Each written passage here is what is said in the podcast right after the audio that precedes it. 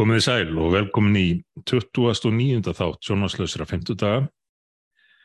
Þessi þáttur er tekin upp við, við erfiðar aðstæður því að í fyrra dag, síðan þriðu dag, lest eh, samstagskona okkar og vinkona, Anna Kolbrún Árnadóttir, sem var þingmaður miðflokksins uh, á síðasta kjörtímanbili og svo var að þingmaður núna, hún kom síðast ég er inn á þing nú í vor, í mars.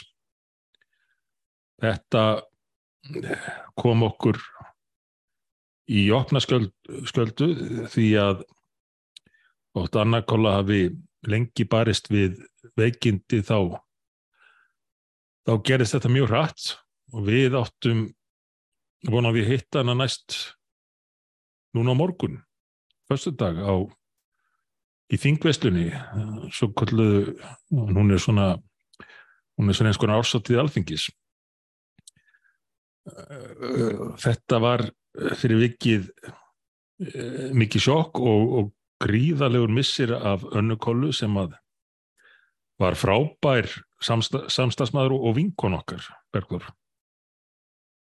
Já, já, þetta er mikið áfall og, og, og líka gerist þetta svo hratt þegar, þegar þetta fer að stað og, og ég, já, eins og segir, sko, þá var nú bara reknaði maður með því að við værum að hitta önnukól okkar á morgun við, við þetta tilefni þingveislunar en, en, en það er erfitt við að eiga þegar, þegar þessi skrambi rýfur sig að stað. En þetta er búið að vera, hún kom síðast hérna inn, ég var svo heppin að hérna, vera, vera hérna inn og þingja á sama tíma og hún þegar hún kom inn sem varamaður fyrir þig hún í mars og, og, og, og þá er mitt svona, kom hún inn á þessi mál sem voru henni sem mest hugleikinn, lagði fram uh, þingmál og hérna og fór í, fór í fjölbreyttar umræður í þinginu og alltaf, alltaf var hún klári í slægin sko þó að, þó að þarna hafi eflust verið svona farið að draga meira af henni heldur um að rátta þessi á. Já, hún var búin að takast á við veikindi tölvöld lengi jú, jú. í tíu ár held ég en, en vildi alltaf láta sig minnst á því bera hún vildi ekki að, að þáttaka hennar í, í politíkinni snerist um það að hún væri að, að takast á við þessi veikindi. Ég man að hún til dæmis eh, sagði okkur stundum að hún væri komin í koktel fyrst þegar ég heyrði þetta þá sagði ég nú, þú, þú kemst ekki á fundir af því þú þarfst að vera í koktel en þá var hún að meina að hún væri í, í Livjagjöf. Uh, en en mætti hér alltaf uh, og og já alltaf, alltaf hress alltaf gríðalega vel með á nótunum um allt sem var í gangi og hjælt okkur við efni með það og vildi já, vildi ekki láta þessu þessum veikindum bera en en svo, svo gerist þetta mjög skindilega uh, með hætti sem hann kannski ekki ekki beinlinis uh, vegna veikindana sjálfra heldur afleitra áhrifa þeirra eins og, eins og reyndar gerist gerist við þessar aðstæður. En hún var mjög eindregin talsmaður ja, landsbyðarinnar okkar kjördamis, norðaustu kjördamis efnum. Og velferðar og helbriðismála það sem hún var, og mentamála og, og mentamála, ekki síður. Var stöðugt að, að benda okkur á það sem betur mætti fara í þeim öfnum og hvetja okkur til dáða með það og eftir að hún dætt út á þingi núna síðast þá þá samt uh, hættun ekkert að spá í þetta. Maður fekk stöðut frá henni ábendingar og skilaboð um, eitt og annað sem varðaði þessi mál. Mjög, alltaf mjög gaglegar ábendingar. Einhvað sem að maður og hugsaði, hvernig að þetta farið fram hjá mér, nú þurfum við að, að skoða þetta og einbytta okkur að þessu. Og ég á átti nokkur ósvörð skeiti frá henni og á í símanu núna bara frá því fyrir fánum dögum þess að hún var að benda mér á, á mikilvæga hluti á þessu sviði. Þannig að við erum, við erum mjög þakkláttir bæði fyrir uh, uh, politistramlag hennar en, en líka vináttuna. Já og, og bara uh, tekundi það og, og bara sendum hennar fólki innilegustu samúða kveður og, og uh, hérna, byrjum bara Guð að vera með þeim fyrir norðan eða hvar sem, hvar sem ættingjarnir uh, sem sagt, eru, eru þessa stundina og hérna og hlustum til, til önnu kollu með miklum líhug. En við ætlum, við ætlum hérna í lókþáttarinn að taka, taka upp eh, nýjan hérna lið, önnu kolbrunum til heiðurs og, og það verður liðurinn skemmtilegar staðrendir.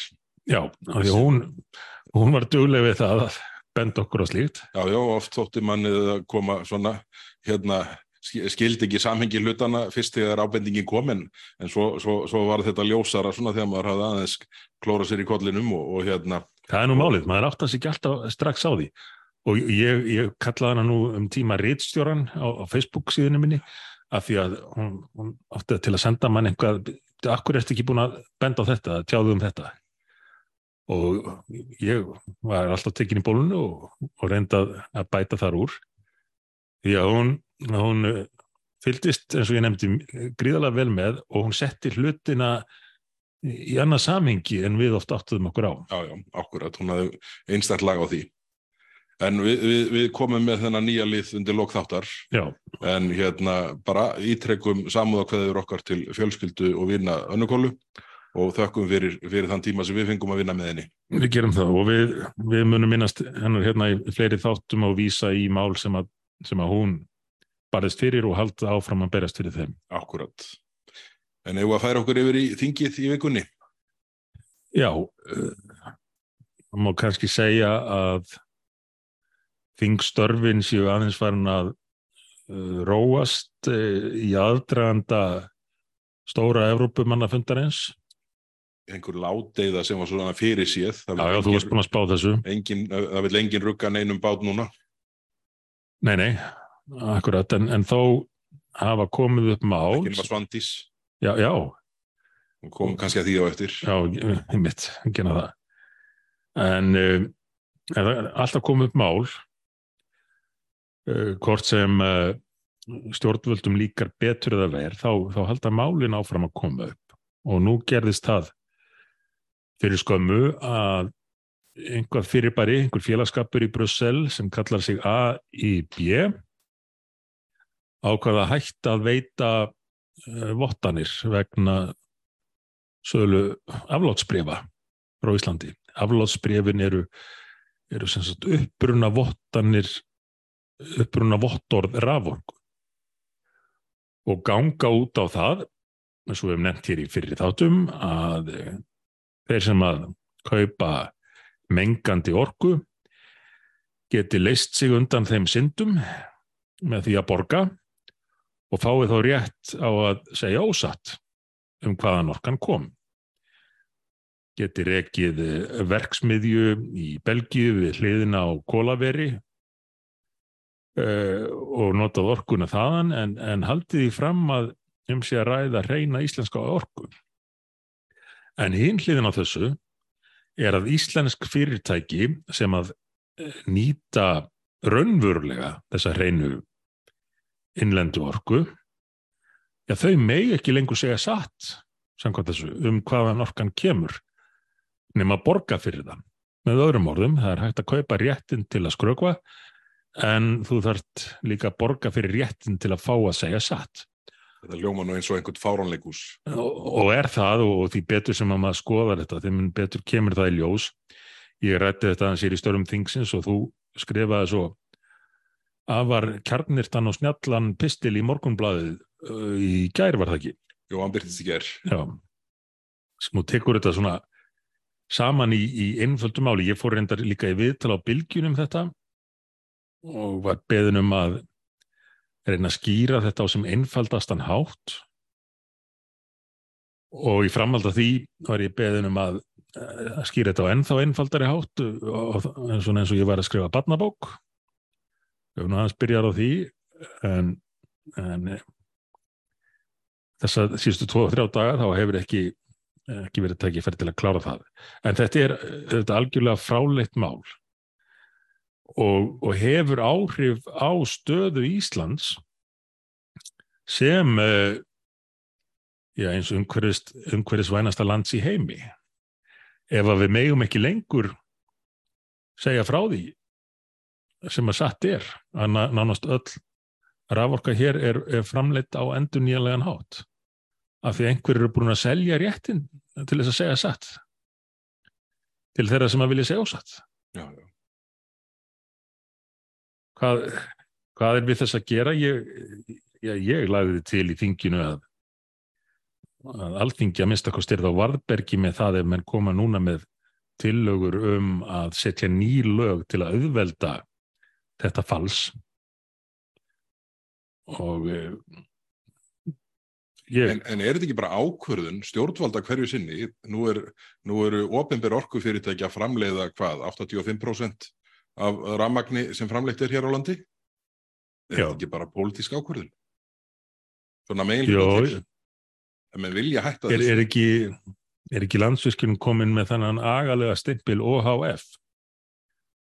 Já, það, ég held þessi HF en þá. Já, en hún allavega heyrir undir ríkið, hún er, er ríkis fyrirtæki og það er pólitísk uh, pólitísk skipið stjórn þar og eina hlutabref landsvirkjunar er gent í uh, fjármálaráðanutinu í skúfu fjármálaráðra svona í, í óeinlegri merkingu. Uh, og ég myndi nú telja að það væri eðlilegt að spyrja ráðferðarna að því, hvort sem það er fósittisráðferðarna eða fjármálaráðferðarna eða, eða þessi nýji ráðferðar sem þau byggur til, ráðferðar lofslagsins uh, og orkunar hvað þeim raunverulega finnist um þetta og mér hefur sínst að hérna, til að byrja með það viðbröðum er þau að þetta verður ekki nógu gott, það þurft að stoppa menn af í að vera að segja að þeir varu hérna, starfandi á Íslandi með endun líganlega orku ef þeir verður ekki búin að borga fyrir það.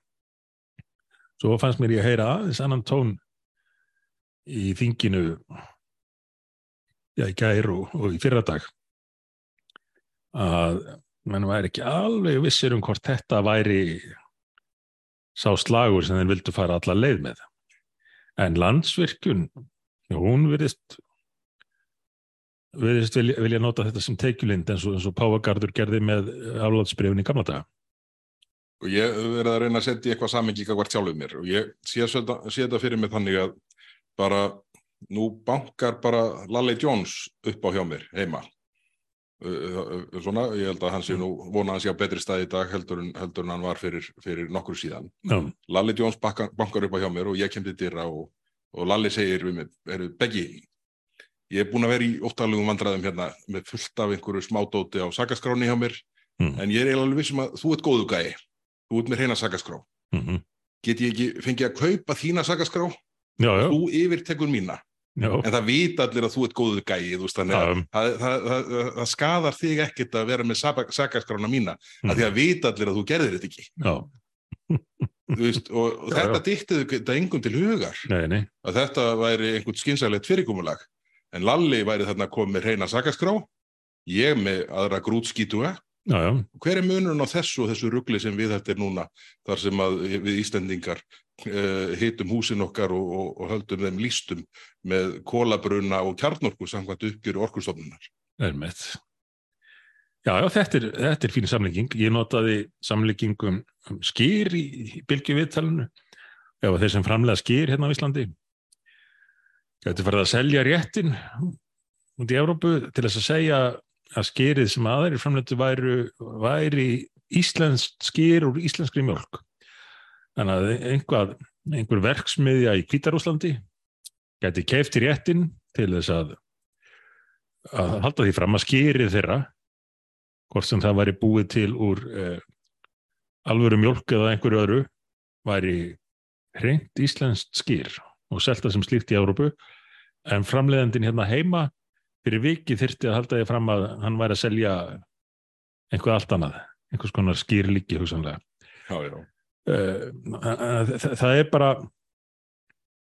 það er ekkert sem gengur upp þetta fyrirkomulag og þú hefur nú stundum Já, oftar en einu sinni held ég með þess að haf sagt söguna hérna af belgiska tannlækninum og, og hver raunveruleg áhrif af þessu geta orðið ekki bara á þá fyrirtækin hér heima sem í góðri trú byggði upp starfsemi hér og eru svift í réttinum á að segja hvaðan orkan kemur, heldur getur þetta líka verið letjandi fyrir þá sem eru að nota uh, óhrinu orkuna.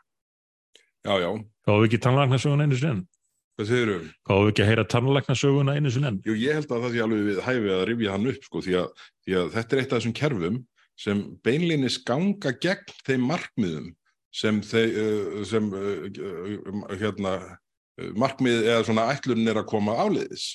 Það að belgiski tannlæknirinn sem að getur kyrt um á risa jeppanum sínum í Belgíu Mm. en líður eitthvað illa yfir losun jeppans og hérna, kaupir aflátsbref frá landsvirkjun. Það að hann geti gert það dregur úr kvatanum til, að, til að hann seti þrýsting á belgísk stjórnvöld til þess að auka græn orkuframlöslu Já, og þetta er þetta bara alveg augljóst þegar menn hugsa þetta.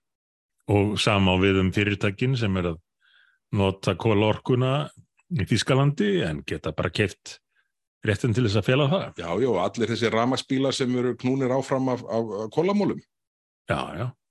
þetta er, þetta Það er nú eitt. þvískýringurinn er algjör Þegar minn er að tala um orkuskiptin hér Mm. og kosti þess að að allir fara á ramaspíla og, og það er ymsi kostir fyrir það.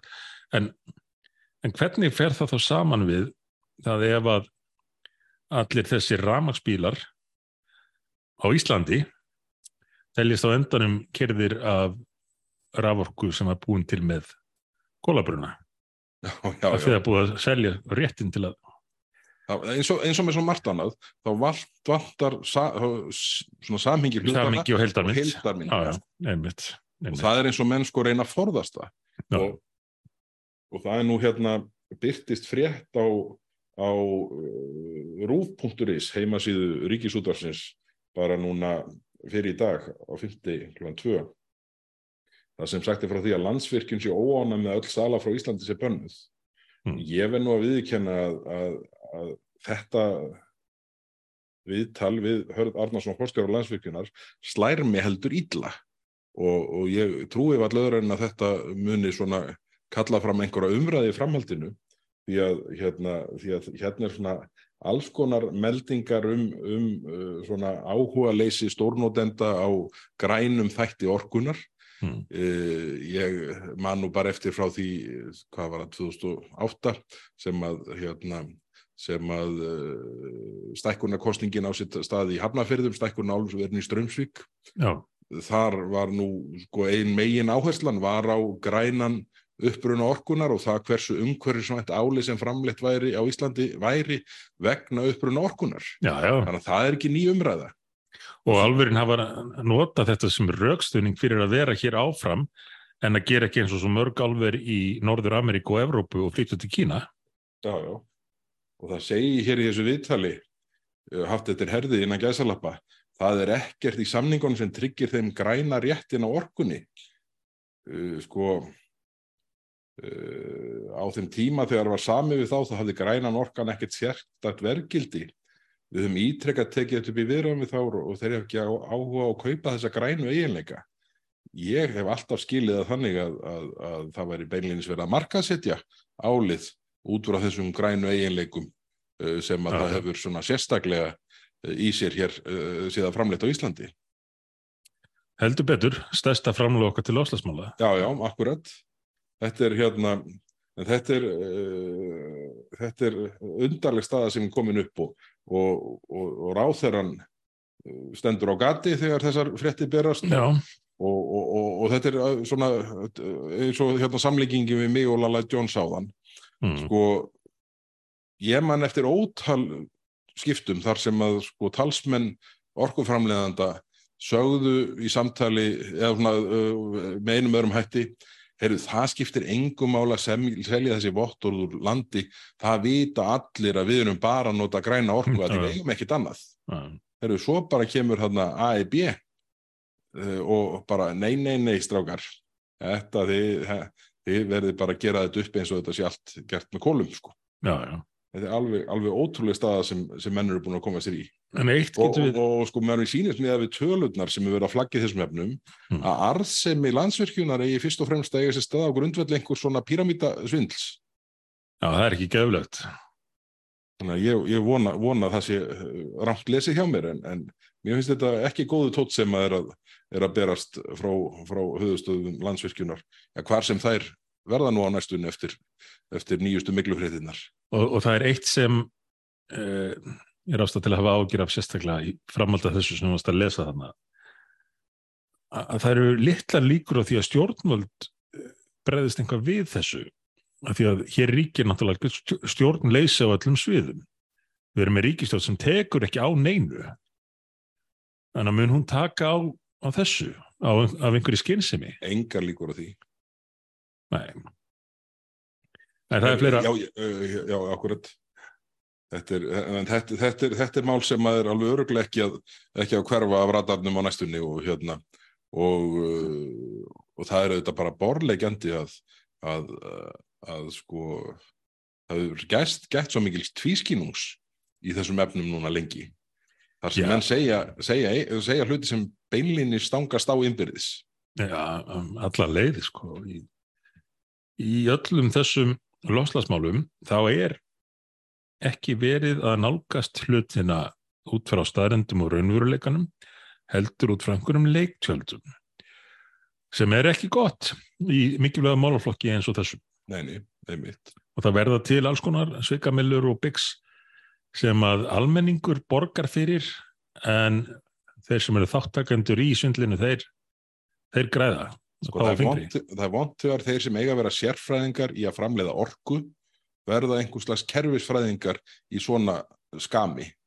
Já, já, en, já, já við, við sjáum þetta bara gerast út um allt núna og meiri sér oljufélögin búin að átta sig á þessu og, og farin að e, sísla með einhverja, einhverja græna e, pappira pappira sem að hefur tekist að fá stimplaða sem græna og þess að það endilega og minnir okkur nú á máli sem við rættum hérna þessi síðasta þætti um það að ríkistofnin væri búin að eftirláta einhverju 20 manna nefnd í Brussel. Það er endur annar hópurinn þetta, þetta AIB-batteri. Búin að eftirláta þeim hópi að skilgrina hvað teldust askilegar fjárfestingar á Íslandi og hvað ekki. Það vissi náttúrulega engin að þetta AEB-batteri væri til yfir höfuð og, og, og enn minni líkur á því að við fáum nokkuð tíman að sjá eða heyra hverjir þessi 20 eru sem að fá að stýra hvernig verður fjárfest á Íslandi í framtíðinni. Eru þeim færum okkur aðeins yfir í, það var eh, sérstök umræðu þriðdæðinum notkun ópjóðalifja. Já, Ásmundur Friðriksson emdi til þeirra umræðu og já, umræðan var svo sem ágætt en, en kom kannski ekki mikið á óvart. Menn svona ítrekkuðu sína skoðanir á þessu og það sem að allir mér smá ágjum sem er ekki alveg nýtilkomnar samt en, en það eru svo margir farin að elda bara pírata hugmyndafræðina í þessu Já, já. uh, með, með það að já þetta sé nú bara allt í lagi að fólk sé að prófa þetta og svona og fulltrúi pírata Haldur, Haldur og Móen sem sagði að það væri bara alveg aðgælt að væri verið að taka fíknirnin af fólki. Uh, en, en svo einhvern veginn ætti bara að veita uh, lækningu þegar að að skaðin væri skeður.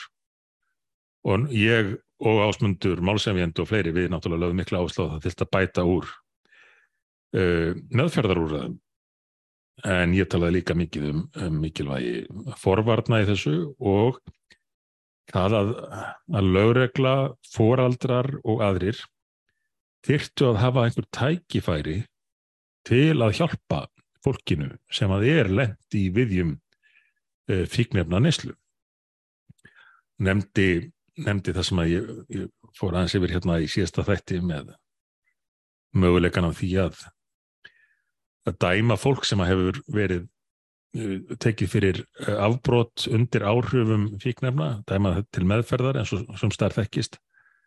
Svona til að, til að sé einhver inngrip til að hjálpa fólki að komast á þann stað að, að það þurfi hjálp og þá þurfi þetta svo hjálp að vera til staðar. Og einst þetta með að menn séu lát, látnir sitja uppi með uh, fíknefnabrót ég held að sé bara almennt kalla það saman hvers eðlist það er á, á sakaskrám að það sé ekki að velta fólk í, í 20 ár þegar menn eru búin að taka sig á og vilja byggja sig upp og, og leita sér að vinnu. Nei, akkurat. en ne- nema ég fara þarna lofslagsleiðina og, og menn geti þú keift sig frá uh, sakaskrá eins og þú uh, útskýrðir hérna áðan í samingi við, við uh, orkumálin Við erum báðir alveg tandur hreinar slíkar þannig að, að við, á á þess að þurfa að kaupa hana en, en uh, ég held að þeir sem að lenda í þessu hefur nú kannski ekki efna á því að, að borga fyrir það. Það. Eh, þannig að já, ég, sko, ég hef áhyggjur af þessu máli eins og mörgum öðrum ekki hvað síst bara út frá þessu með stjórnleysið. Eh, það er það er engin stefna, það er engin sín hjá ríkistjórnin á hvernig, að það hvernig að takast á við öll þessu stóru mál. Þau fóru fyrst eh, alveg 100% í pírata eh, hugmyndafræðina og, og lögðu fram hérna þingmál um lögleðingu fíknefna eða neyslu skamta fíknefna eins og það var kallað. Þau gátt ekki svarað spurningunni sem ég meðal annara laði framformlega hvað er neyslu skamtur fíknefna svarið kom tilbaka, það er ekki vitað. Sam, á saman tíma voru þau búin að leggja frum, fram frumvarp. Já. Og eins og það frumvarp leit út þá, þá hefði menn geta verið hér. Hvar sem er að flagga tíu skömmtum af af hvaða fíknefni sem er. Með þessi Kristján í, í Kaupmannahöfn. Þá reyndu menn nú að banna hörðuefnin sem svo eru kölluð af því að þeir vissu að þá ella færi allt úr, úr böndunum. Það gekk nú svona og svona hjá þeim, blessuðum, en, en þeir allavega reyndu að banna það.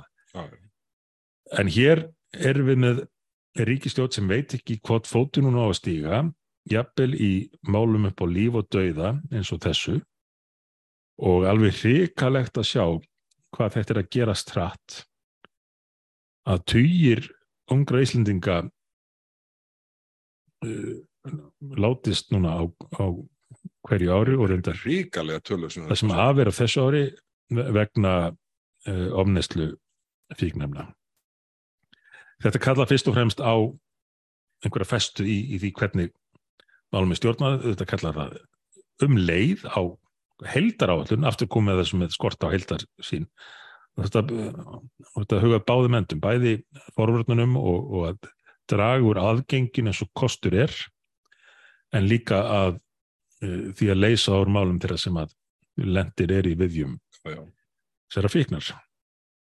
Heru, þetta, síðan fór ég í sérstaka umræðu um, um hérna, framtíð framhaldsskólana uh, sennilega á miðug þriðudaginn og uh, þar er Ásmundur Einar Daðarsson í einhverju vegferð sem að uh, gæti nú endað upp á skeri eins og uh, út í skurði réttar sagt eins og, eins og sund sem að, sem að hann hefur tekið sér fyrir hendur undanfærið og, og mér þykir svona til dæmis bara svona, uh, ef maður horfir bara á svona afmarka svið framhaldsskóla pælinga hans þá þykir mér heldur kaldar kveðjur frá menta og barnamálar á þeirranum ásmundi einari til kvenna á Íslandi þessa dagana sko, þegar e, fyrsta tillagan hjá honum gengur út á það að leggja niður kvennaskólinn í Reykjavík og binda þar með enda á 150 ára sögu skólans Já, já, og bara svona til uppröfunar þá voru þetta konur sem stopnuðu skólan á sínum tíma sem höfðu ekki fengið inn í lærðaskólanum sem að, sem að nú heiti mentaskólinn í Reykjavík og þú þekkir ágætlega sko og gripu til sinna ráða. Akkurat. en, hérna, en þetta er einhvern veginn nú bara standa menn fram fyrir því að það á að keira þennan skóla í sameiningu við uh, mentaskólan við Sund ef ég skila rétt, þar sem að menn er að röklast úr hús, húsakosti sínum vegna miklu Já, og, og þetta var, það var svo magnað í þessari umræðu að, að ég, ég, í upphafsræðu sinni þá segir Ásmundur Einar að það sé ekki búið að taka ákvörðunum sameiningu þessara skóla formlega. Það, já, það, það, það fór er- ekkert á milli mála fyrir þá sem hlustuð á. Hann er búin að taka þess ákvörðun já, en það er ekki búið að taka hana formlega en, en á meðan eru sett upp einhver svona samráðs uh, síningatjöld Það er eins og er- fram, framsókn og samfélkingin voru að klára myndun meiri hluta hérna en, en formlegar meiri hluta viðræður voru ekki hérna. nei, nei, nei, mitt Það er bara eftir að skrifa undir. og sko þe- þetta er einhvern veginn uh, mér finnst þetta bara óþjóra háttur gagvart til dæmis kennurum og nefendum að vera með einhvern svona síndar samráð sem Já. að mér skilst að sé í gangi núna þar sem að sko sem gangi nú fram með hreinlega ótrúlegum hætti og ráðherran hafi uppálagt þessum síndar samráðshópi sínum að skila fyrstu tillögum í þessum sammenningar viðræðum eða sammenningar uh, svona nálgun uh, fyrir lok mæ Já, já, og í dag er 11. mæ Þetta er auðvitað engin, uh, sko, það verður ekki tekið, þetta er bara eins og sko, samráðum skipulagsmál við Reykjavíkuborg. Það sem að hérna, fyrirtæki og, og, og, og, og heimil eru uh, látin eigða tíma sinum í, í, í, í aðtúasemdir en það er ekki einu svona lesnar. já, já, Og, en þetta er einhvern veginn, ég finnst þetta er alveg ótrúlega skilabóður á þeirra og framsunarflokksins til hvenna. Uh, svona einhvern veginn að þeirra saga skipti ekki máli og það með bara slaufa henni með einu pennastriki og að svona engar fleiri ungar konur skuli fá möguleikan á því að setja marksitt á þessa 150 ára sögu kvennaskólans. það var nú hérna fyrir, fyrirsögn eh, ekki talsverið löngu. Málefni hvenna eru bergfóri hugleikin, var það ekki? Uh, Jú, jú, og ég er ekki hiss á því, þú eins og ég umvafinn konum, já, já, uh, eingun og dæturum og þingflokkur uh, miðflokksins á ekkert nema dætur. já, já, Þannig að við, okkur mislíkar þetta og uh, höfum ágjur af því að eins og þú lýsir þessu réttilega, það sé bara það, í gangi þarna einhver, einhver síndarmennska en búið að taka ákvörðunum. Já, já, það er, það er því miður mjög margt sem bendir þess. Og þá getur það saman gerst annar staðar eins og já, á Akureyri uh, með verkmennskólan og mentaskólan eða, eða á landsbyðinni þar sem að á þannig getur tekið upp á því að, að fara að samina skóla Ég býð bara eftir að koma fram hugmyndum sammenningu fjölbrytarskóla Vesturlands og Akranes og mentaskólans í Reykjavík. Já, Það, hérna, þá, þá, þá, þá er þið endurinn sá að við útskrifumst frá sama skóla. En, þetta er, en, en síðan er annað hérna, sem eh, ég fór í óundibúna fyrirspurning við Sigurð Inga Jóhansson innviðar á þeirra, e, það hefur sennilega verið á mánudaginn, e, varðandi stöðu hérna er varðar uppbyggingu húsnæðis. Já, já. Þar er allt að fara í skrúuna. Hver er nýjasta talan? Er þau ennþá í 35.000 nýjum íbúðum eða eru þau búin að hækka það? Ég heldur séu bara að krossa sig þessa dagana. Já, Þau heldum uh, ráðstefnu á föstudaginn síðasta sem með yfirskriftinni hvernig við að gera þetta. Það vantaði bara svona emoji kall fyrir aftan sem var svona yfti aukslum. Já. 35.000 íbúðir, hvernig við að gera þetta. Já, já. Það er húsnæðis og mannverkjastofnun og einhverjir fleiri. Sem er svolítið merkilegt að komi núna löngu eftir að þau heldur glæri kynninguna til þess að segja 35.000 nýjar íbúður á leðinni sem að kom reyndar í framhaldi að því þegar þau tilkynnt um 25.000 íbúður og 20.000 og 18.000. Já, já. Þannig að við- viðbröðin við því þegar ekkert gengur, gengur ekkert með 18.000 íbúðunar, þá bara eru, eru nýjar kynningar og fleiri íbúðir. Þetta, þetta minnir mig á hástökkvaran sem held að hann væri betri að stökkva yfir hærri hæðir heldur en lægri. Hann með gengið illa með svona þegar ráum var látt, ekki, ekki búið að stilla hann hátt, en hann var að samfara um það og því hann var að fella lágu hæðirnar, þá myndi hann ganga betur með, með rána í Já. hærri stöðu. En, en hérna, en það virkar ekki þannig í raunheimum. En sko, það er bara svo margt í húsnæðismálunum sem er einhvern veginn algjörlega í steik og stjórnlaus núna. Uh, Sambandsíslengra sveitafélaga sá ástæðu til þess að skrifa mjög harðorða umsögn uh, við fjármála átlun ríkistjórnarinnar það Mhm. sem var beinin sagt og þetta er óvanlegt að samband íslenskra sveitafélaga tali svona, uh, með svona afgerandi hætti Já. var beinin sagt algjör forsendu brestur í fjármála átlun gagvart uh, áformum um uppbyggingu íbúða í tengslum við þau, uh, þá þætti sem stjórnvöld kom að Einmitt. síðan sjáum við sama, á sama tíma fréttir af því að borgin far ekki að lögum þegar breyta átti sendir á því íbúði fyrir hælisleitendur. Við sjáum fréttir af því að það að, uh, sé búið að taka á leigu heila hæði í JL húsinu þar sem að hérna, Reykjavíkuborg hefur leikt 22 herbyggja á fjórðuðiðinni fyrir 4,2 miljónur á mánuði. Það hittir nú bara þannig á að 4,2 miljónur á mánuði fyrir 22 herbyggi eða 4 miljónum 250.000 svona til að vera nákvæmur Mhm. er rúmar 193.000 krónur á herbyggið á mánuði.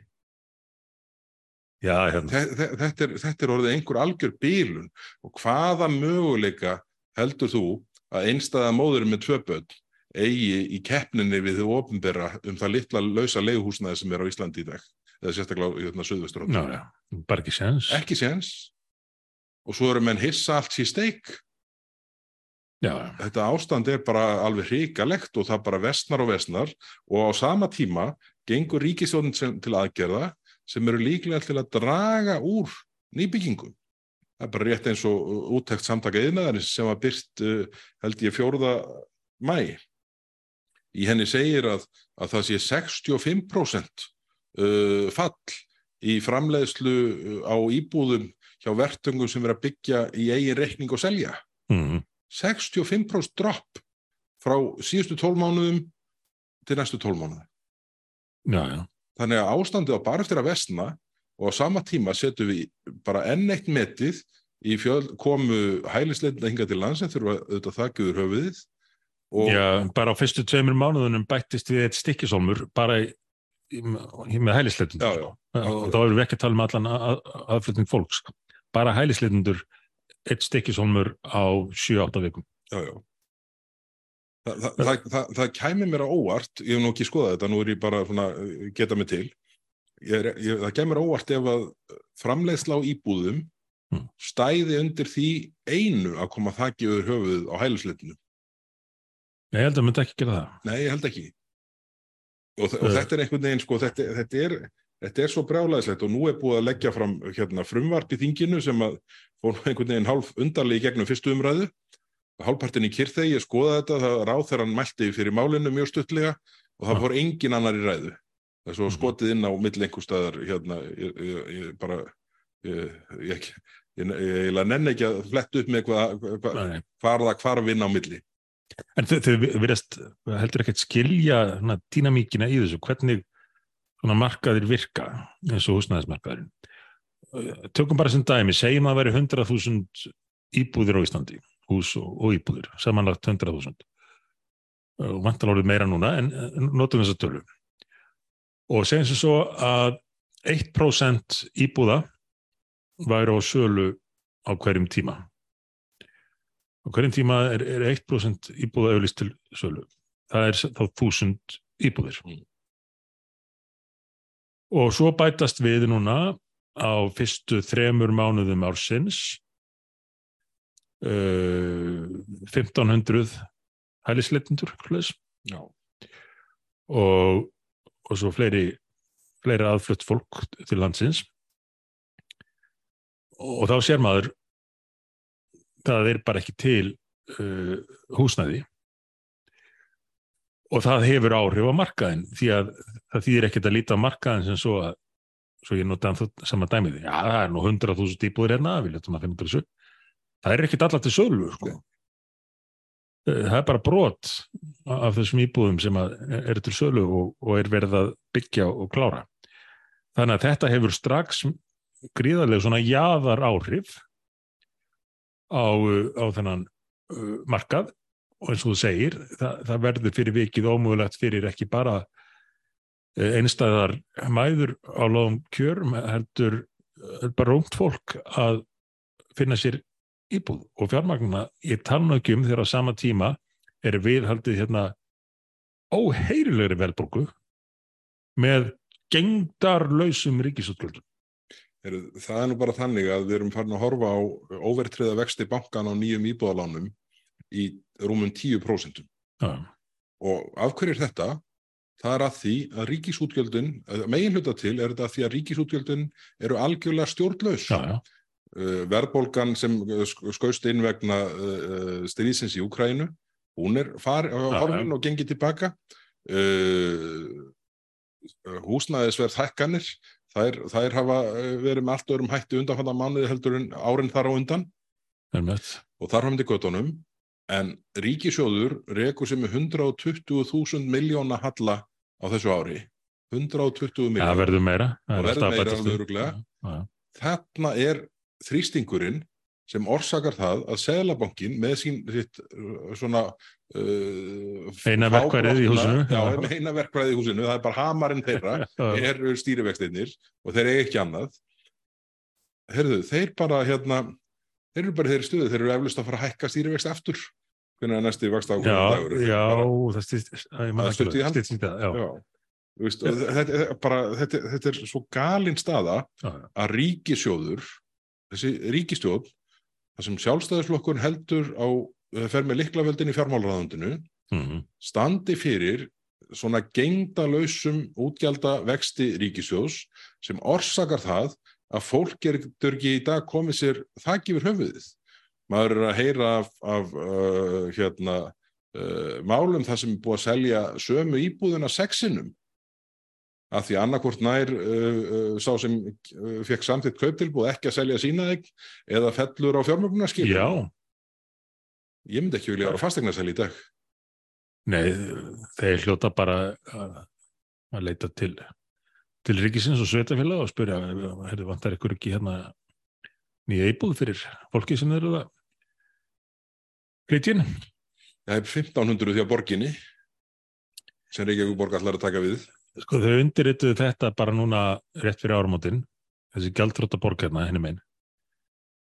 Það spurði enginn, byttu nú, nú aðeins við, þú ert að tala um að, að fjöl, bæta við íbúum í borgina sem nefnir meir en einu prósenti af uh, þeim íbúum sem fyrir eru.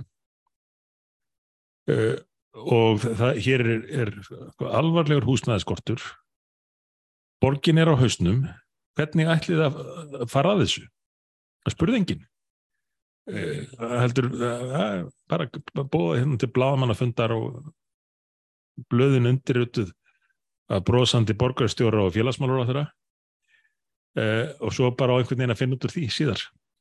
Heyrðu, það, var, það er komið núna á þriðju viku síðan ég óska eftir því að fá afrita þessum samningum velferðaráðanetsins við já. um samranda móttöku flóttamanna Mhm. Og það ennþá bólar ekkit á slíku, ég veit ekki hvað getur valdið því að menn vilji ekki afhenda þessa, þessa samninga en þetta rifjaðast nú upp fyrir mér að þegar ég sá fréttina uh, um uh, Jóðellhúsið í morgunblæðinu uh, þar sem hérna þar sem ég gæti ekki hérna skilið að öðruvís en svo að Mhm. kostnaður Reykja, Reykjavíkuborgar við það að leia hvert herbyggi í Jóðellhúsin á 193.000 á mánuði uh, sé komi sem sagt, innan úr þessum samningi um samranda móttöku. Er það þannig að ráðherra Guðmundur Ingi Guðbrandsson sé að undir þetta samninga við sveitafjölög sem gera þeim kleift að leia eitt herbyggi á 193.000 á mánuði. Ég vil bara fá að sjá þessa samninga. já, já, eðlilega. Og kemur ekki óvart að þeir feli þá, eins lengi þau geta. Ég held að það sé áallega að gera svona samninga sem innifélag kostnaði upp á 900 miljónir á þessu ári. Nei, nei, Já. aukningin var 900 miljónir á mill ára. Það var þannig. Það, Já, já. Þetta var mannst ekki þegar við vorum að punkast í samröndu móttökunni sko að það veit að vera alveg galið allt saman. Já, Það var áallega að, að heildakostnaðurinn væri einhver staðar, hvað, 40,8 miljónir eftir að hafa verið hækkaður úr 25 miljónum akkurat. þegar við vorum að gaggrínda Já, já, og svo ákvaða menn að spurja þá sem hefur gert kostnaðamatið hvort það væri ekki lægi með það. fullkomin, fullkomin þvæla sko. alveg lýsandi fyrir alla þessa vittlisu. Hugsaðir bara hvað væri með skinsamleiri nálgun, hvað væri hægt að gera mikið, bæði fyrir fólkið hér heima, uh, tekjulegra fólk sem er að leita sér á húsnæði, ef mann kemur nú einhverju skikka á það hér, og líka eh, með sparnaðinum fyrir fólk víða um heim sem er í sem mestri neyð. Já, já, það sem fæst miklu meira fyrir hverja krónu. Já, ef, ef að við verðum ekki með stjó- stjórnvöld sem að elda uh, einhver, einhverja síndarmennsku og viðhalda og íta undir þá síndarmennsku eins og reyndar kom alveg ótrúlega vel fram í, í merkilegri grein sem byrtist í uh, morgunblaðinu hvað í, í fyrra dag eða, eða Já, Daginn þar þrið, þriðudaginn. já, Og- og Nú er það áherendur að fyrirgefa okkur ef við eh, förum illa með framburðin en greinin er eftir Rahar Parikar. Heldur að mér hafi vafið Ja. stungað um höfuð þarna. Þú, þú leiðir eftir mig áðan fyrir að vorum að skoða þetta og, og ég held að þín upprunlega kenning sér rétt að það er að segja Rajan. Já, Rajan, Parikar. það er örugglega þannig, já. Já, við skulum lesa í saminningu þessa grein eftir Rajan Parikar sem byrtist í morgunblæðinu þriði daginn 9. mæi. Hún hljóða svo. Um daginn voru hrópgerð að uppsetningu íslensku óperunar á óperunni Madame Butterfly í ópenberi umræðu. En ein alda yfirborðskendrar reyði reys á góðkunningum nixlunarinnar, þeim sem ríða háum hesti og lasta Íslandinga. Til að undistrykka kjánaskap þessa nýjasta upplöps þarf einungis að spyrja. Var tilgangurinn með uppsetningu á Madame Butterfly sprottin úr fordómum og ásetningi um að móðga eða hallmæla menningu annara? Svarið er eindreið nei. Þetta ætti að döga til að ógilda andmæli móðursjúkra dramadrottninga og dygðarflaggandi kjána. Þetta er agnar smár en atkvæða mikill minni hlutahópur sem stekkur endur tekið upp á nefsér til að beigja almenning undir sína sérkennilugu lífsím. Á, ásak, á meðal ásakana sem lagðar hafa verið fram vegna uppsetningarverksins voru að hún jafngildi menningarlegu eignarnámi sem er fáránleg fullefing. Ef Íslensk kona myndi rífast af hefbundinni indverskri tísku og klæðast sari, er því hún þá dæmt fyrir menningarlegt eignanám? Nei, ég myndi fagna því með menningarlegu þakklæti. Væri það menningarlegt egnanám ef íslenskur matreslumadur til dæmis bæri fram sushi vafið í flatkökur? Höfum við ekki frelsi til að hrífast af og hampa menningu fjarlæra landa? Mér kemur til hugar háleitt setning hindúa spekingsins og skáldsins Rabindran Tagores sem hlöð Nobelsvelunin í bókmyndum árið 1913 en hann sagði Mannana verk sem við njótum og skiljum verða samstundis á okkar eigin, hvaðan sem þau koma. Lefðu mér að upplifa með fölskvalösir gleði að öllin mikla dýrð mannsins sé mín. Með þessu er ekki verið að afneita tilvist menningarlegs eignanáms. Djast tónlist á rætur í reynslu svartra bandaríkjamanna djúft í söðri bandaríkjana. Hvítir tónlistamenn eignuðu sér hanna og viðurkendu kvorki uppruna hennar nýja skuldina við svarta. Fordri öndunar aðferð frá Indlandi, Pranjama, var endur pakkað með mjög smávælum breytingum og markasett í Evrópu og bandaríkjónum án viðurkenningar á sinni löngu upprunalegu hefð. Ekkert við Madame Butterfly flutningin bendi til Íls ásetnings nema í brengluðum huga vók herlildarinnar. Því miður fundu framleiðendur verksins sig knúna til að friða kúarana. Þessi harstjórnar minnilhutti notar sömu aðferðir í öllu öðrum málaflokkum, til að mynda varandi viðtakar gerfi umsóknir hælisleitenda og flóttamanna, afleðingu af slíkri innflytjandastefnu, afleðingu af slakri innflytjandastefnu Íslands. Hælis og flóttamanna starfseminn er í dag orðin að heimsiðnaði. Fólkum allan heim hefur fundið út hvernig ég að spila með innflytjandakerfin á Vesturlundum. Í þessari viðleikni á það bandamenn, góða fólkið, í hverju landi sem þau ákveða að taka fyrir. Vinnubröðin eru einföld og áhrifarík. Samúðarmenn í Reykjavík kveikja bál á samfélagsmiðlum, bandamenn þeirra á brent og sjónasmiðlum magna síðan upp herrferðina og halda heimumönum í gíslingu heimtufrekjunar. Allir sem andmanna stefnu þeirra um að halda hliðinu opnu fyrir endalösum innflytjandastраumi eru útrópaðir rasistar eða útlendingahatarar. Framsæknir hafa skapað eitrað andrum, andrumsloft, þar sem heiðarleg, opinská umræða er kæfð. Slík ógnarstjórn er óviðunandi og ætti ekki að líðast. Ísland mun verða uppi skroppa með fjö og húsnæði, löngu áður en heimurinn verður uppi skroppa með efnaðslega lagar sett fólk. Ójöfnudur í efnahagsmálum er lífsins staðrind. Agnarsmá að þjóðfélagið Ísland getur ekki leist ógnar stór vandamál sem mannkynnið stendur framifyrir. Móttaka hælisleitenda og flótamanna einungist til að skreita góða fólkið, digðum, mun enda með ósköpum fyrir íslensku þjóðina. Ég mun enda þennan pistil með sannri sögu um kynþáttamisrétti.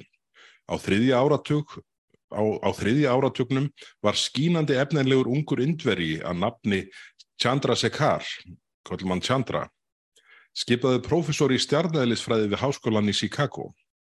Þrátt fyrir einstaka vitsmunni og greind þurfti Chandra að mæta margvíslegum svíverðingum vegna húðlitarins. Forsetið eðlisfræðideildarinnar neitaði alfarið að láta þennan hörunstokka mann kenna á háskólasveðinu. Sem betur fer hlustaði þáverandi forsetið háskólans ekki á, ekkert á það. Kandra let ekki kynþakta nýðið á sig fá. Hann hjælt áfram ótröður, uppréttur af vinri styrk og einbetti sér af ákafa verkef, af verkefnum sínum. Í fyllingu tímans var hann talinn fremsti stjarnælisfræðingur 20. aldar. Árið 1966 stökkuðu bandarækjaman Kandra og heiðruða hann með orðuveitingu National Medal of Science. Árið 1983 hlaut hann Nóbersvelunin í eðlisfræði. Engin af jólasveinunum sem benda á rasisma á Íslandi þarf að standa frammi fyrir neinu í líkingu við þann kynþáta fjandskap sem áður ríkti á Vesturlöndum. Þvert á móti býður Ísland nútímans upp á einn bestu lífskjörjarðar. Allt of margir innflytjendur í dag telja segja kröfur. Ísland skuldar okkur ekkert. Ísland skuldar okkur ekkert. Það eru forréttindi en ekki réttur að fá að búa hér. Flóttamennirnir og klappliði þeirra sem benda fingrum sínum ásakandi á Ísland kjósa líta fram hjá því að samfélögin sem þeir koma frá eru yfirleitt mun óreitlátari og fjandsamlegri aðkomumönnum en löndin sem þeir leita skjóls í. Svo mörg voru þau orð. Já, þetta er merkileg grein. Glögt er gests augað, má kannski segja. Já, já. Nú veit ég ekki hvort Rajan er, er íslenskur ríkisborgari, hann er upprunnin frá Indlandi. Ef hann er ekki orðin íslenskur ríkisborgari þá, þá verður skuldar hann það nú meira en, en sumir aðrir. Já, já. Uh, en, en hann setur þessa hluti þarna í, í samhengi og lítur á heldarmyndina. Uh, hann uh, hefur líka tekið gríðilega mikið af ótrúlega fallegum ljósmyndum Já, mjög flottar myndir sem hann á Íslandi og, og í upprunnuland sinu Indlandi, ekki hvað síst í Góa og heldur út í heimasíðu sem að er opinn og menn geta skoðað. Vorum við með heitið á þessari heimasíðu, ég held að það sé Ég held að það sé uh, bara, bara uh, eftirnafni. Parikar. Parikar með tveimur Rad, Rajan með jóði. Parikar með tveimur erum já, þreimur í rauninni. Rajan Parikar. En, en þetta er þetta er það sem við þurfum inn í umræðina Núna bara yfirvegað uh, sjónarmið sem að lítur á heldarmynd þessum við er að fást. Er Þetta bara- skortir algjörlega hjá íslenskum stjórnvöldum. Algjörlega. Parikar.com P-A-R-R-I-K-A-R.com Það er heima síðan. Flott, þetta er, þetta er gott. En, en þetta, þetta, er, uh, þetta er áhugavert að sjá svona uh, sjá okkur í gegnum gess augað og, og, og það er sjaldan sem að menn treysta sig til þess að skrifa svona kjarnirtar greinar uh, verandi komandi verið í því hlutverki að hafa einhverjum tíðanpúti verið gestur hér á Íslandi. já, já. En við höfum þetta samt báði verið gestir í öðrum löndum, búið þar og, og numið að starfað, en, en við ætlumst ekki til þess að þau samfélög löguðu sig að okkur. Nei, það dettur einhvern til hugar. En, en þarna skrifar þessi maður grein sem að margir vildu kannski skrifa að hafa en óttast hugsanlega það sem hann talar um hér að þegar að menn leifi sér að benda á staðrendir þessara mála þá eigi þeir yfir höfðu sér að vera kallaðir ja, vera uppnemdir og kallaðir uh, rasistar eða útlendingahattar eða, eða, eða eða hvaða orðan hafði yfir það, það er ímislegt notað, já, rasistar eða útlendingahatarar. Uh, hún mætti bæta fleirum við fordómafullir og allt þetta já, já. sem að menn fá yfir sig E, ef þeir, ef þeir dirfast að benda á gallana í uh, hugmyndafræði nýja vinstrisins eh, sérstaklega, en ég meina nýja vinstrið er svo sem viða, það er í öllum ríkistofnaflokkurum núna Já, já, bara þar sem þeir uh, síst skildi allar. Já, já. En þetta, er, uh, þetta var uh, hérna, gott innlegg hjá honum og hérna, við vonum bara að, að, að hann tjái sér sem mest um samfélagsmál ekki, ekki veitir af. En eins og ég, við nefndum hérna áðan þá hefur nú varla runni blóði í stjórnaflokkunum síðustu dagana og á meðan engum bát skal ruggað vegna uh, Evropuráðstingsins uh, fundarinn sem fer hérna fram í næstu viku og, mm. og kostar nokkra miljardar að, að hérna duppa sig upp fyrir. En, uh, má, má ég spyrja þig, því þú var svona fyrirspurnum kostnaðin, það vantar ekki komið svar, hei, þau semst vita ekki hvað þetta muni kosta þegar þau leggja stað með það. Ég, ég spái því að því þau mistu þann út úr sér að allar kostnæðar áallanir læju. Ég nefnilega uh, fyrirspurninni beindi ég fyrst til fórsættisráðara.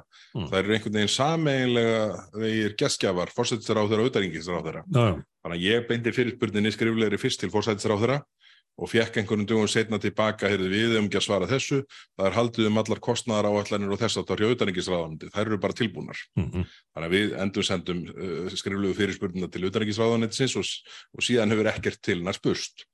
Þannig að uh, miða við það að, að, að kostnæðarállun hafi bara verið tilbúin já, eins og hérna, upplýsingarnar og fórsættisráðanendinu gáði til kynna, þá gruna mann og helst að kostnæðinu sé að fara skauta svona eitthvað hressilega fram úr því sem áallega hefði verið. Það sé nú svona líklegast að skýringin á að, að menn vilji ekki byrta þetta fyrir fundin svona til þess að, til þess að rukka ekki bátnum í því samengi. En hvað heldur þetta menni kosti í hildina? Já, það hleypur örgulega á einhverju miljörðum en, en svo, Er ekki bara örgiskeslan að halli í tvo? jú, einhvað, einhvað, heyrði mann um það. En, en svo þetta er spurning hvort á að telja með alltaf fyrirheit sem kunna vera gefin í uh, framhaldinu eða ekki, eh, ekki framhaldinu, endur á meðan á, á sér ráðstefnu stendur. Og það verða vonandi bara jákvæð fyrirheit en það geta orðið einhver einhver fyrirheit um að leggja aukna skatta á, á landsmennu fyrir það að keira á bílnum sínum og svona. Það, við höfum nú aldrei séð það koma út úr um, Evrópusambandinu sérstaklega og ekki hvað síst í, í for 55 málnu sem að má minna aftur á að snýst ekki bara um flugið, snýst ekki bara um að koma í veg fyrir að fólk getur með góðum út í ferðast til og frá Íslandi. Er líka um allt hitt. Bílana, fjölskyldubílinn og aðfeng fyrirtækja vörurna sem fólk kaupir út í búð. Það þurfi bara að hækka það þurfi bara að hækka göld á, á allt saman til þess að fólk hætti að, að borða svona mikið, kaupa svona mikið af vörum, verða svona mikið að þvælast um. Ég vona að það kom ekki einhvað, einhvað til viðbótar því sem fyrir er hvað það var þar á, á þessum fundi. En, en talandum, ég er nú sammála því sko, en talandum að uh, menn ekki að borða mikið, þá auðvitað eiga menn ekki að borða mikið. Nei, nei, nei, að við erum alltaf að berjast við það. hérna, alltaf að reyna að hérna, halda okkur svona réttum yfir striki í þeim efnum. En ég hef sjaldan verið gladari yfir einni frétt eins og frétt sem byrtist á vísi.is núna fyrir í dag á 50 kl. 13.11 Kristinn Haugur Guðnarsson blaðamann skrifa fréttina og þar fyrirsögnin er Íslendingar borða mest af dýraafurðum Já, Þetta þóttum með góða fréttir. Reyndar þykir þeim sem skrifa skýsluna sem, þar sem þessi niðurstað kemur fram, þetta er ekki góða fréttir. nú, Það er svona, ve- einhver, einhver vegangrúpa. En, en mér þykir þetta til mikillar fyrirmyndar að, að við, við borðum, borðum svona mikið af, af dýraverðum og, þetta er röðsleika merki. Já, og, og þannig er sko, þannig er mikill uh, svona uh, stór hluta þessu er það hvað, hvað við borðum mikið af fiskafurðum. Já, það er náttúrulega mjög holdt að borða fisk og fólk á að gera það áfram en, en menn eiga líka að borða miklu meira af lambakjöti. Já, já, eh, ég er ekki ánægð með það að svona hlutvarslega hafi dreigið eins mikið úr neslu á, á lambakjötu og, og raunber vitni og mann kannski farnir ómikið og ég hef lettið í sjálfur að borða pasta og svona sem er náttúrulega bara eins og amma minn sagði hveiti og vatn, hveiti og vatn akkur er þetta að borða þetta, þetta er ekkert nema hveiti og vatn. Uh, við þurfum prótínin og, og þar erum við heppir að vera með yfirburða lambakjöt og ættum að nýta það ennþá meira. Já, algjörlega. Það segir hérna í fréttinni sem að hérna í skýslun er meðal annars bent á að dýrum er gefið 70% af síkla livja framleyslu heimsins sem orsaki svo síkla livja ánami í fólki. Miljónir látist vegna þess á ári hverju. það er þó eitthvað gott sem kemur út úr þessu skýslu auðvita á fólk bara að borða íslenska framleiðslu það sem síklarleifja nótkunir í algjöru lámarki og heimsvísu ég, ég verð með, með sprengju hérna í, ef ekki næsta þetta þá vantilega þar næsta, varðandi þetta með síklarleifin mm. mér skilst að það sé verið að refsa íslenskum bændum alveg sérstaklega ef að þeir í einhverjum tilvikum nefðast til þess að nota síklarleif á meðan að það er ekkert sagt frá því, ekkert stimplaða neitt ef að kjöti sem, sem er flutt inn í samkeppni er með sko margfald meiri síklarleifja notkun. Það er bara íslensku bændurnir sem fá einhverjar ákúrur og einhverjar refsingu fyrir það eða neyðast til þess að nota síklarleif sem, sem er mjög lítið bara hér á landi eða heim vennastæðar á meðan að inn streymir sko, gegn sírt síklarleifja kjött án aðtóðsendan. Þetta er í skoðun hjá, hjá um, rannsóknarteimi þáttarins en um, við þurfum að að taka eitthvað góða landbúnaður umræðu. Já, þetta, það verður áhugavert að, að heyra meira þessu því að, því að þetta er, uh, sko, við höfum nú rætt þetta ítrekað og, og hérna og, og, og tókum nú hérna heljarnar, já, uh, þegar var heimiluð, hérna, heimiluður innflutningur á ófrosnu kjöti og, og eggjum og hérna og fleiri, fleiri landbúnaðarafurðum, hvað ætlaði það hafi ekki verið 2018 eitthvað svo leið sem að ríkistjóðin tók þá furðu ákvörðun sem var náttúrulega enn furðulegur í ljósið þess hvernig ríkistjóðin er samsett Já, já, en hérna, en þessi, þetta, þetta var svona ánægjafni dagsins, það var þessi frétt á vísi um að Íslendinga borði mest af dýrafurðum allara þjóða. Þetta er mikið hrausleika merki. En hérna, en síðan uh, eru þetta áhugavert hérna varandi þjóðarleitóana sem áttu að koma hingað í næstu viku í 53 engaþótum já. framanaf. Nú eru þeir farnir að svona karpúla. Þeir eru farnir að sameinast í engaþótur. Þannig að nú ætlar Já. þessi sama, sama hjörð að skila sér hingað í eitthvað tæplega 30 engaþótum. Og hérna, og segja, eftir að- segja okkur hinum að, að við nefnum ekki fljúa. Þau hafa heyrt hérna síðasta tátt hjá okkur Sennilega. þar sem við nefndum það eins og reyndar hafi komið fram í fjölmjölum að, að vonum væri á allavega 50 engaþóttum á Reykjavík þannig að ætli hollendingarnir og belgarnir og, og vinur minn í Luxemburg uh, mun ekki samanest í eina þóttu og svona menn einhverju nágrannar en samt uh, það er regla, frekar en undantekning hjá þessu fólki sem að messar mest yfir almenningi um að menn eigi ekki vera að fljúa að ferðast um á, á engaþóttum. Allir þessir uh, hinrikar prinsar og, og, og Davos gengið. Og þetta er svolítið merkilegt að, að það skul ekki vera neyn tenging í huga þeirra millir þess sem að það er að bóða og ætla að stila af öðrum og svo eigin gjörða. En þetta er samt alveg gegnum gangandi hjá þessu nýja vinstri að það gildir sko eitt fyrir hina og hann, já, fyrir pöpulinn, pleppana og annað fyrir þau sjálf. Já, já. Fyrir auðvitað það náttúrulega hugmyndafræðir er, er eh, fyrst og fremst þessagna kend ef hún er einhvað. Þessagnir eru það sem einkennað þetta nýja, þennan nýja vók hugarheim. En já, þeir ætla að saminast nokkri þarna í einhvað þóttur og, og allt í læg með það, gott hjá þeim. En uh, uh, Beggi, áður nú byrjar að hvart yfir því að uh, kassettan sé að klárast. Sem er að bresta á.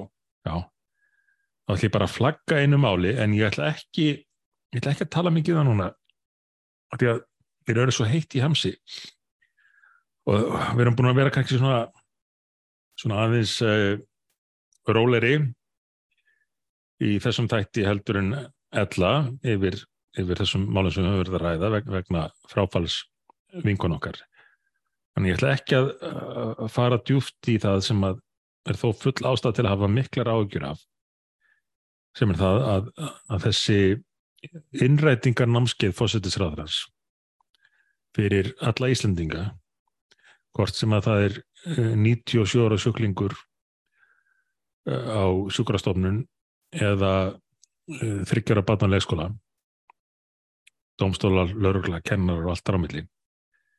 Þetta er það er aftur byrjað að íta þessu áfram í, uh, í nefnd og virðist vera litið algjörlega fram hjá uh, þeim fjölmörgu álutin sem komu á meðan þetta var sett í samráðskáttuna svo kvöldu. Fólk sem skilar álitið þangað telur sig leiður Já, að já, menn skila álitið til alþingis. Já, en þessi samráðskátt er hugsanlega bara uh, einhver tæki fyrir ráðherrana til þess að sjá hvar kunna vera vona á gaggrinni og þá útiloka þá sem komið með gaggrinum. Það er það sem er óttast að gerast með þetta. En ég, ég er að skrifa grein um þetta og vonast til þess að hún byrtist í, uh, í uh, morgunblæðinu uh, áður en langt um uh, líður ella ella uh, kem ég henni bara á framfæri annar staðar en þetta heflust margir að skrifa í, í morgunblæði núna um, um ev- stóra Evrópumannafundin og svona. En þetta er mál sem að mun að mínum að ráða úsleitum um það hvort að sjálfstæðisflokkurinn ætlar að gefast upp á öllum sínum eh, prinsipum. Það að standa vörðum frjálst markanshagkerfi er farið endanlega staðfest núna síðast með með þessum Evrópureglum þarna með 20 manna nefndinni sem ákveða hverju á fjárfyrst í Íslandi. Akkurat.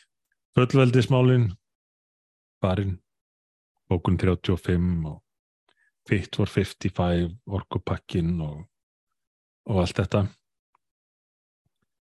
Og uh, fleira mætti nefna en en mun flokkurinn gefast upp á réttaríkinu og einstaklingsfrelsi það getur komið í ljós núna í næstu viku Já, nákvæmlega. Herðu, en þá er komið að nýja liðnum, liðnum hennar önnukólu. Það er hérna skemmtilega staðreindir og skemmtilega staðreind þessarar viku er að á síðast ári fekk Reykjavíkuborg 2,3 miljardar króna í gjöld af fastegnum ríkisins. En það eru um 65% af hildartekjum sveitafélaga fastegnum ríkisins. Og þetta kemur upp í samræmi við það að nú er verið að velta vöngum yfir því hvort að sveitafélaga njóta meiri arðs á nærsvæðunum af, af virkjanaframkvæmdum. En uh, ég Já, er ekki vissum að margir hafi átt að segja á því að, að, að Reykjavíkuborg með sinn þrótarekstur væri að njóta fastegnagjalda upp á 2300 miljónir á ári frá ríkisjóði. þetta slagar upp í skekkuna þannig að Já, já, já, það er rétt, en, en þeir fá þetta hverju ári. Já, Þetta er og ofan á það allt fólki sem vinnur í þessum fastegnum, ríkistofnannir, ráðuneyti og, og, og ofinber hlutafélag og hvað þetta heitir allt saman. Þannig að það er nú engin smá forgjöf sem að, sem að Reykjavíkuborg fær út á það að vera hérna, með stöðu höfuborgar og það má nú auðvitað færa rauk fyrir því að staðisti byggðastyrkur allra tíma sé staðsetning, staðsetning stjórnsýslunar í Reykjavík. já, já. Og þá skildi maður nú ætla að borgin kynna að meta það, en hvað fær stjórnsýslan, ríkið frá borginni, uh, þetta grjót sem að hendar hérna fyrir utan hendirið í alþingishúsinu til þess að sína að við varum ekkert velkomin hérna í þessari borg. Já, Alþingi. við miðþingurinn til okkar. Já, Já, alveg fyrir neðan allar hendur. En þetta var hérna skemmtileg staðarind vikunar til heiður Sönnukólu að á síðast ári fekk Reykjavíkuborg 2300 miljónir bara í fastegnagjöld á fastegnum ríkisins á Reykjavík, í Reykjavík. já, Þetta er svona. Herðu Það en við, við förum að segja þetta gott í dag. já, Er ekki hérna við bara aftur hérna þökkum okkar góðu kæru vinkonu Önnu Kolbrúnu Átnádóttur fyrir, fyrir tíman sem við fengum að eiga með henni já, og vonum að eh, ættingjar og vinir eh, hérna, sendum innilega samúðakveði til þeirra og segja þetta gott í dag og þökkum ykkur sem hlustuðu. takk fyrir.